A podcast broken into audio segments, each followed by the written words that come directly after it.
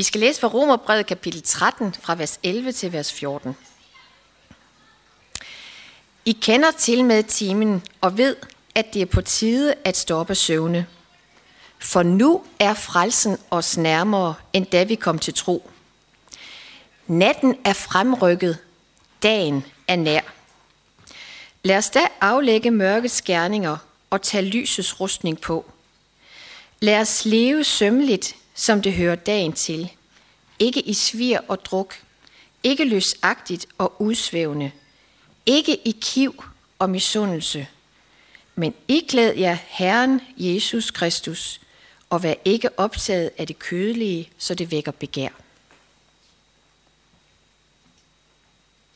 Tak for det, Kirsten. Og vi skal fortsætte med at læse fra øh, Lukas evangeliet kapitel 4 om Jesus i Nazarets synagoge. Jesus kom også til Nazareth, hvor han var vokset op. Og på sabbaten gik han efter sædvane ind i synagogen, og han rejste sig for at læse op. Man rakte ham profeten Esajas' bog, bogrulle, som vi lige har set. Og han åbnede den og fandt det sted, hvor der står skrevet. Herrens ånd er over mig, fordi han har salvet mig. Han har sendt mig for at bringe godt budskab til fattige, for at udråbe frigivelse for fanger og syn til blinde, og for at sætte undertrykte i frihed. For at udråbe et nådeår fra Herren. Så lukkede han bogen, gav den til tjeneren og satte sig, og alle i synagogen rettede spændte øjnene mod ham. Der begyndte han at tale til dem og sagde, I dag er det skriftord, som lød i jeres ører, gået i opfyldelse. Alle gav de ham deres bifald og undrede sig over de nådefulde ord, som udgik af hans mund. Og de spurgte, at du ikke Josefs søn? Han svarede dem, I vil sikkert bruge denne talemåde om mig. Læge, læg dig selv og sige, vi har hørt om alt det, der er sket i Kapernaum. Gør det samme her i din hjemby. Men han sagde, sandelig siger jeg jer, ingen profet er anerkendt i sin hjemby.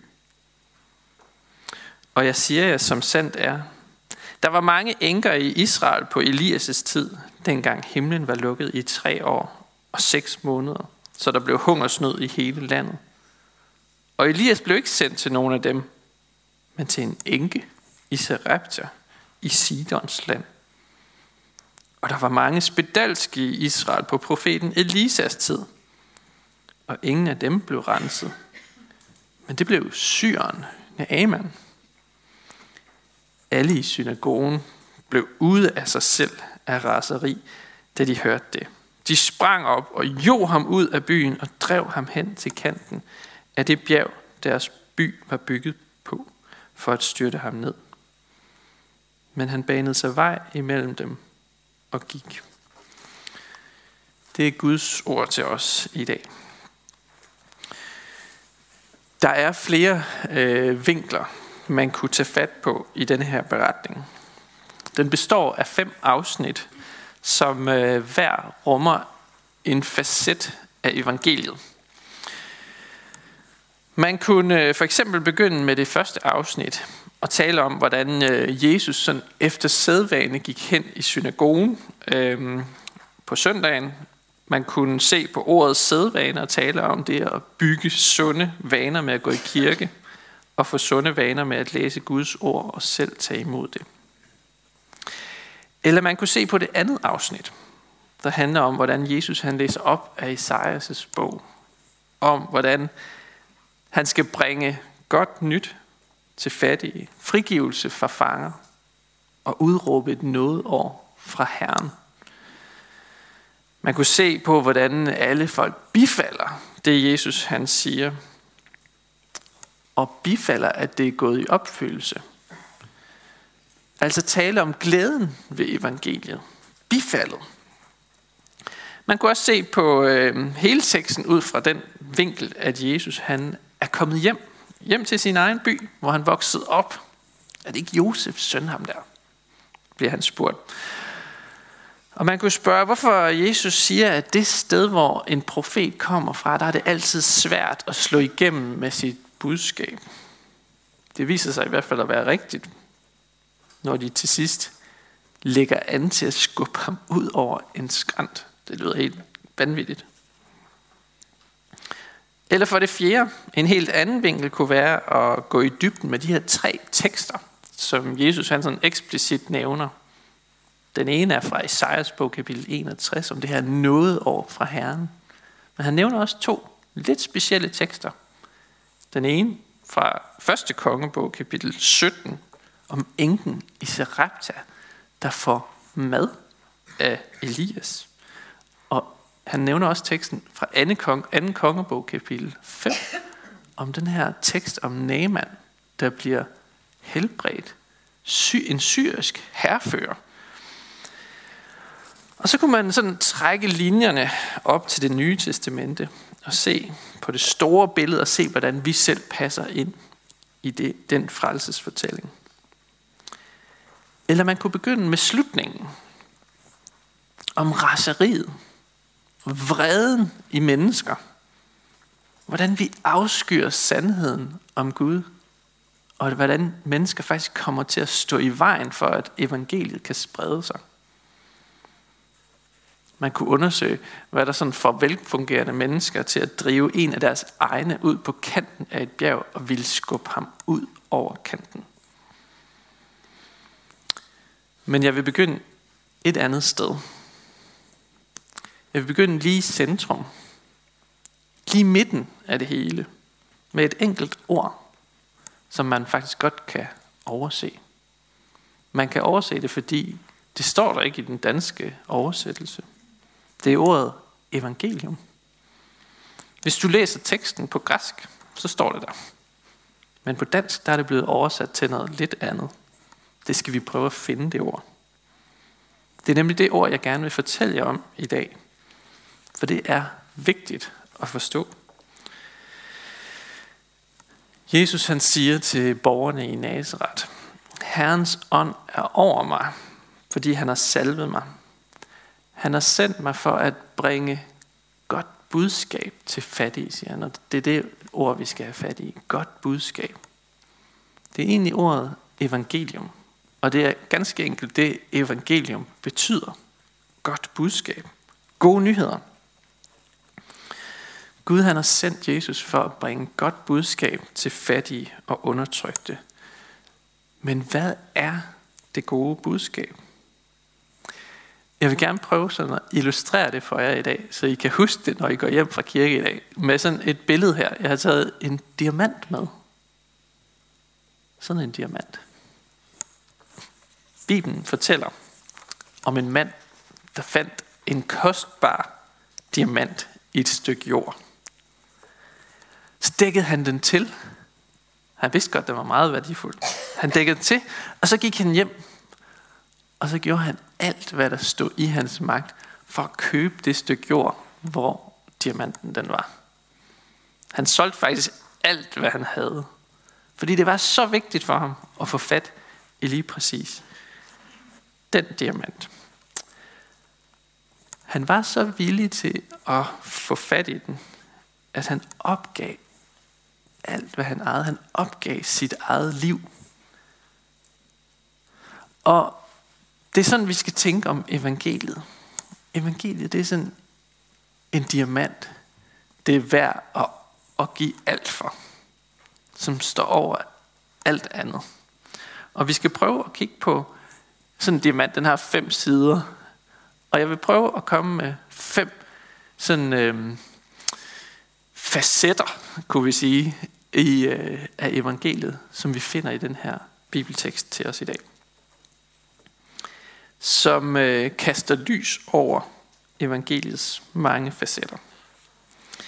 Det første, vi ser, det er, at øh, evangeliet det vækker glæde. Godt budskab, det, øh, det gør en glad.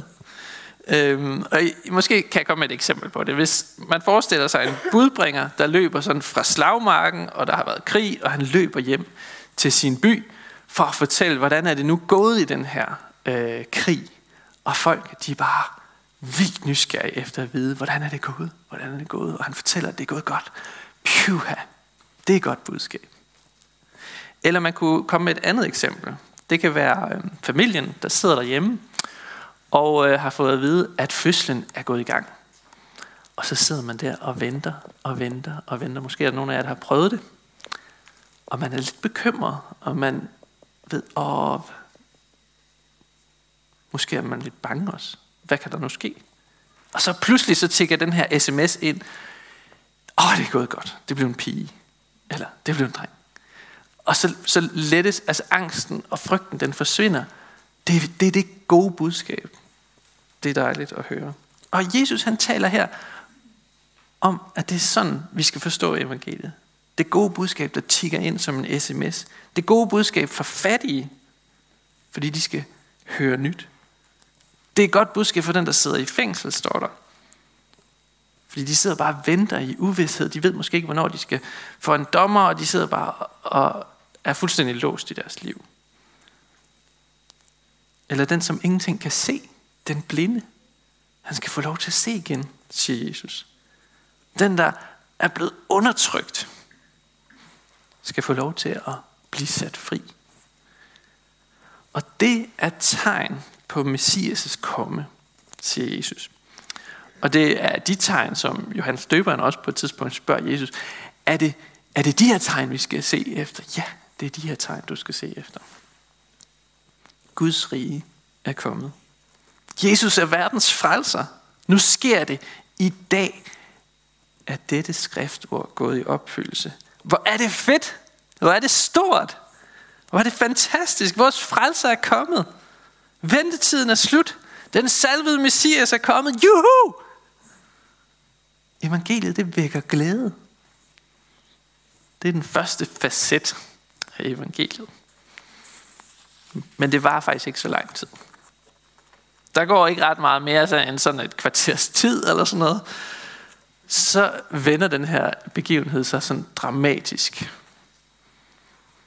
For evangeliet, det vækker også anstød. Det vækker glæde, men det vækker også anstød. Og det er den anden facet, vi skal se på. Og det er måske det, der sådan er umiddelbart sværest at forstå i den her tekst. Hvordan kan glæde blive forvandlet til raseri på 15 minutter? Øhm, og på sin vis er begivenheden sådan lidt et, en mini-udgave af, hvad der skal ske senere med Jesus øh, i Jerusalem. Palmesøndag, der rider han ind i Jerusalem. Alle folk jubler. Yes, nu er han kommet. Han vil befri os. Og så går der fem dage, og så råber de alle sammen korsfest ham. Og der dør han faktisk på et kors. For det evangelium, som Jesus han øh, er kommet for at dele, det er ikke det evangelium, som de jødiske ledere egentlig havde regnet med. Han er ikke kommet med et budskab om, at øh, nu skal de aldrig mere være fattige sådan økonomisk set. Han er heller ikke kommet for at øh, sige, at nu skal øh, romerne, øh, I skal frisættes fra romerne. Nej, det var noget andet, han talte om. For Jesus han var ikke kommet for at kaste om sig med penge, eller for at banke romerne. Nej, han, fortal, han formidlede sådan set lidt et, et taber evangelium, hvis du spurgte øh, de jødiske ledere i hvert fald et evangelium, hvor man skulle give afkald på sit liv, på alt det, man ejer, for at fordele i det. Det var den anden facet. Men evangeliet, nu går vi i gang med den tredje facet. Evangeliet, det vækker også anstød på en anden måde. Og det er, øh, at jøderne sådan helt berettiget tænkt om sig selv, at de var Guds udvalgte folk. Og det er de også. Men med de her to historier om enken i Serepta, der får mad, og syren af Aman, der bliver helbredt, der siger Jesus, at evangeliet er også for alle de andre. Alle de andre folkeslag. Og han, på den måde så udvider han perspektivet for evangeliet. Evangeliet er for alle mennesker. De var nemlig begge to hedninger, altså den her enke og Naaman. Og de var altså ikke en del af Guds udvalgte folk. Men alligevel var det dem, der fik mad og blev helbredt. Evangeliet er for jøder, jøder såvel som hedninger.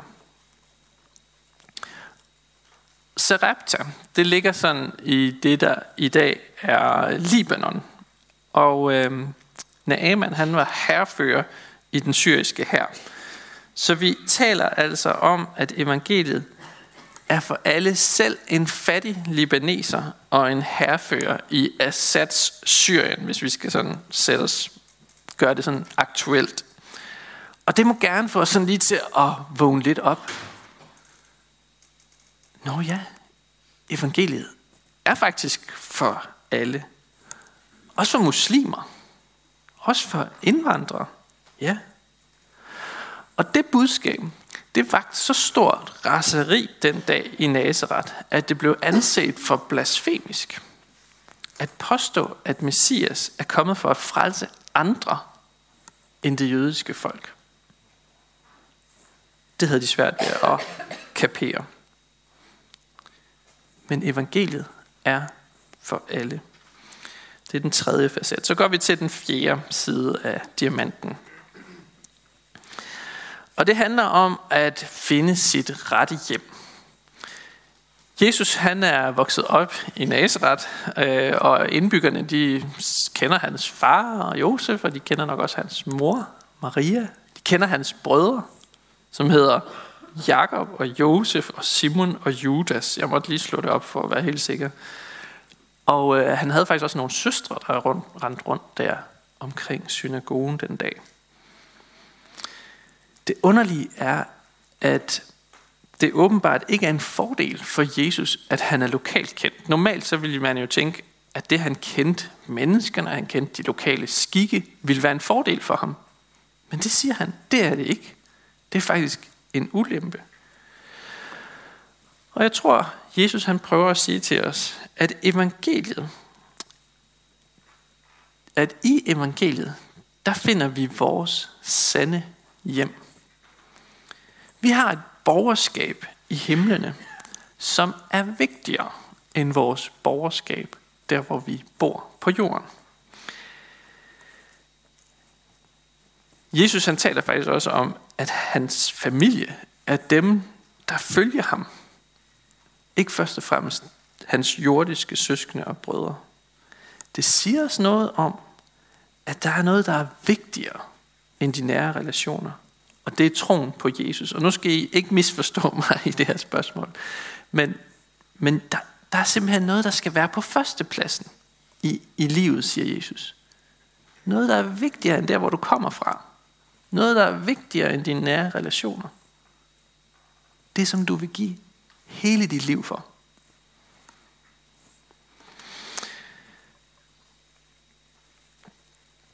Og så siger det noget om, at vi er fremmede i den her verden.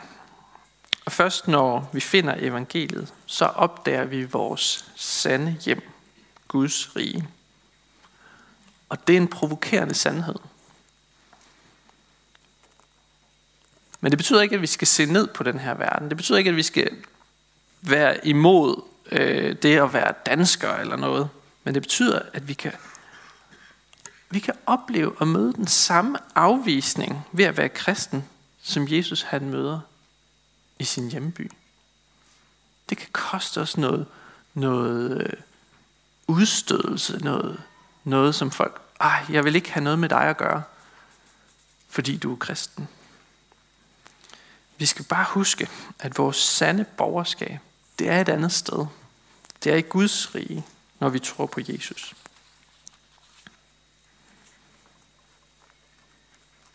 Jesus kendte i hvert fald til det at være udstødt af sine egne.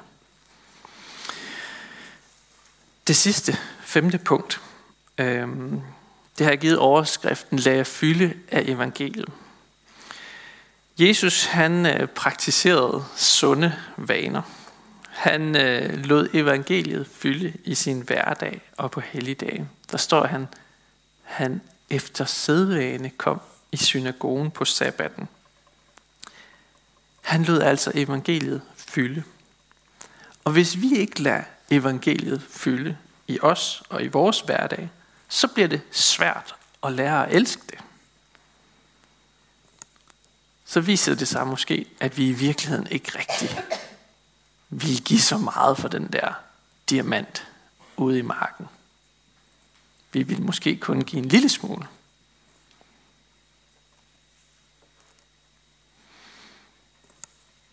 Jeg vil derfor opfordre jer til at øh, lade jer fylde af evangeliet. Og det kan man gøre på mange måder. Og øh, der er ikke sådan en one size fits all. Øhm, og jeg ved også, at når man taler om at læse i Bibelen og bede og holde andagt i familien og bede sammen derhjemme eller sammen med andre, så giver det ofte nogle sådan negative tanker og noget dårlig samvittighed. Og det er egentlig ikke det, der er meningen her. Øhm, men jeg vil gerne have dig til i dag at overveje i to minutter, hvor meget er evangeliet værd for dig, sådan tidsmæssigt. Hvor meget er evangeliet egentlig værd for dig tidsmæssigt? Øhm, og så måske gå hjem og, øh, og lægge en plan for, hvordan kunne du få mere evangelium i dit liv. Og jeg fortæller dig ikke her en bestemt måde at gøre det på. Det kan, det kan være på tusind forskellige måder. Men hvis der er noget, der er så vigtigt i dit liv, så synes jeg også, det er værd at bruge to minutter på at få mere af det ind i livet. Og så ved jeg godt, at sådan når hverdagen melder sig og sådan noget, så, så lykkes det ikke altid. Og det kan godt give dårlig samvittighed, men det nytter faktisk ikke ret meget. Så drop den dårlige samvittighed. Og så i stedet for gå i gang med at lave en ny plan. Øhm, og jeg synes egentlig, det vigtigste, hvis man beslutter sig for, at man vil, øh, vil gå i fitness, så kan man jo gøre det på to måder. Man kan enten, ligesom den første uge, gå i fitness tre gange, og så kan man lade være med at komme ned i et halvt år bagefter. Og det, øh, det er ikke sådan det mest, det får man ikke ret meget bedre motion af faktisk. Så er det egentlig langt bedre at sige, jamen jeg vil, jeg vil komme i fitness en gang om ugen, eller en gang hver anden uge, og så gøre det i et halvt år. Det giver faktisk langt bedre øh, motion ud. Det får man langt bedre motion ud af. Måske kunne man tage det billede og bruge det i forhold til sin, sin øh, bibellæsning, eller hvad det nu kan være. Og sige, det kan godt være, at nu, nu sagde Morten det her i prædiken, at han skulle, vi skulle lade os fylde af evangeliet. Og så gik jeg hjem og læste i Bibelen fem dage den uge, og så læste jeg ikke, så, så lå Bibelen bare og samlede støv det næste halve år. Det er egentlig ikke det, der er tanken. Men find måske 5 minutter, eller 10 minutter, eller hvad det nu kan være for dig, som du regelmæssigt og realistisk kan fylde dit liv med på en god måde. Ja. Og så drop den dårlige samvittighed. Det får du ikke ret meget ud af. For vi har en skat i evangeliet, som vi gerne skulle passe godt på, og øh, som vi skal lære at elske sammen og som det er værd at give alt, hvad du ejer for. Lad os bede sammen. Jesus, vi takker dig for den skat, vi har i evangeliet. Jeg beder om, at dets mange facetter må gå op for os, så vi mærker glæden ved evangeliet. Hjælp os også helt konkret med at lade evangeliet fylde mere i vores liv. Vi vil takke dig, Jesus, for menigheden, og bed dig styrke os i indbyrdes kærlighed og udruste os med nådegaver til fælles gavn og opbyggelse. Og lær os at række ud til hinanden efter behov. Vi beder dig for menighedens børn, både de fødte og de ufødte. Beskyt du dem og lad dem få lov til at vokse op i troen på dig. Vi beder dig for menighedens konfirmander og unge, og for deres liv og vækst i troen. Vi beder dig for ægteskaberne og dem, der lever alene. Giv os din kraft til at leve efter din vilje. Vi beder dig for skærn, by og omegn, at du, Jesus, må blive kendt, troet, elsket og efterfulgt. Vi beder dig for vores åndelige vejleder, Niels Jørgen Fogh, at du må styrke ham i hans arbejde og holde os alle fast på Bibelens grund. Vi beder dig om, at du vil være nær hos alle, der er ramt af sorg, sygdom og lidelse. Giv os mod til at være til stede og visdom til at lindre smerten hos hinanden. Hør os, når vi i stilhed hver især beder for en, vi kender.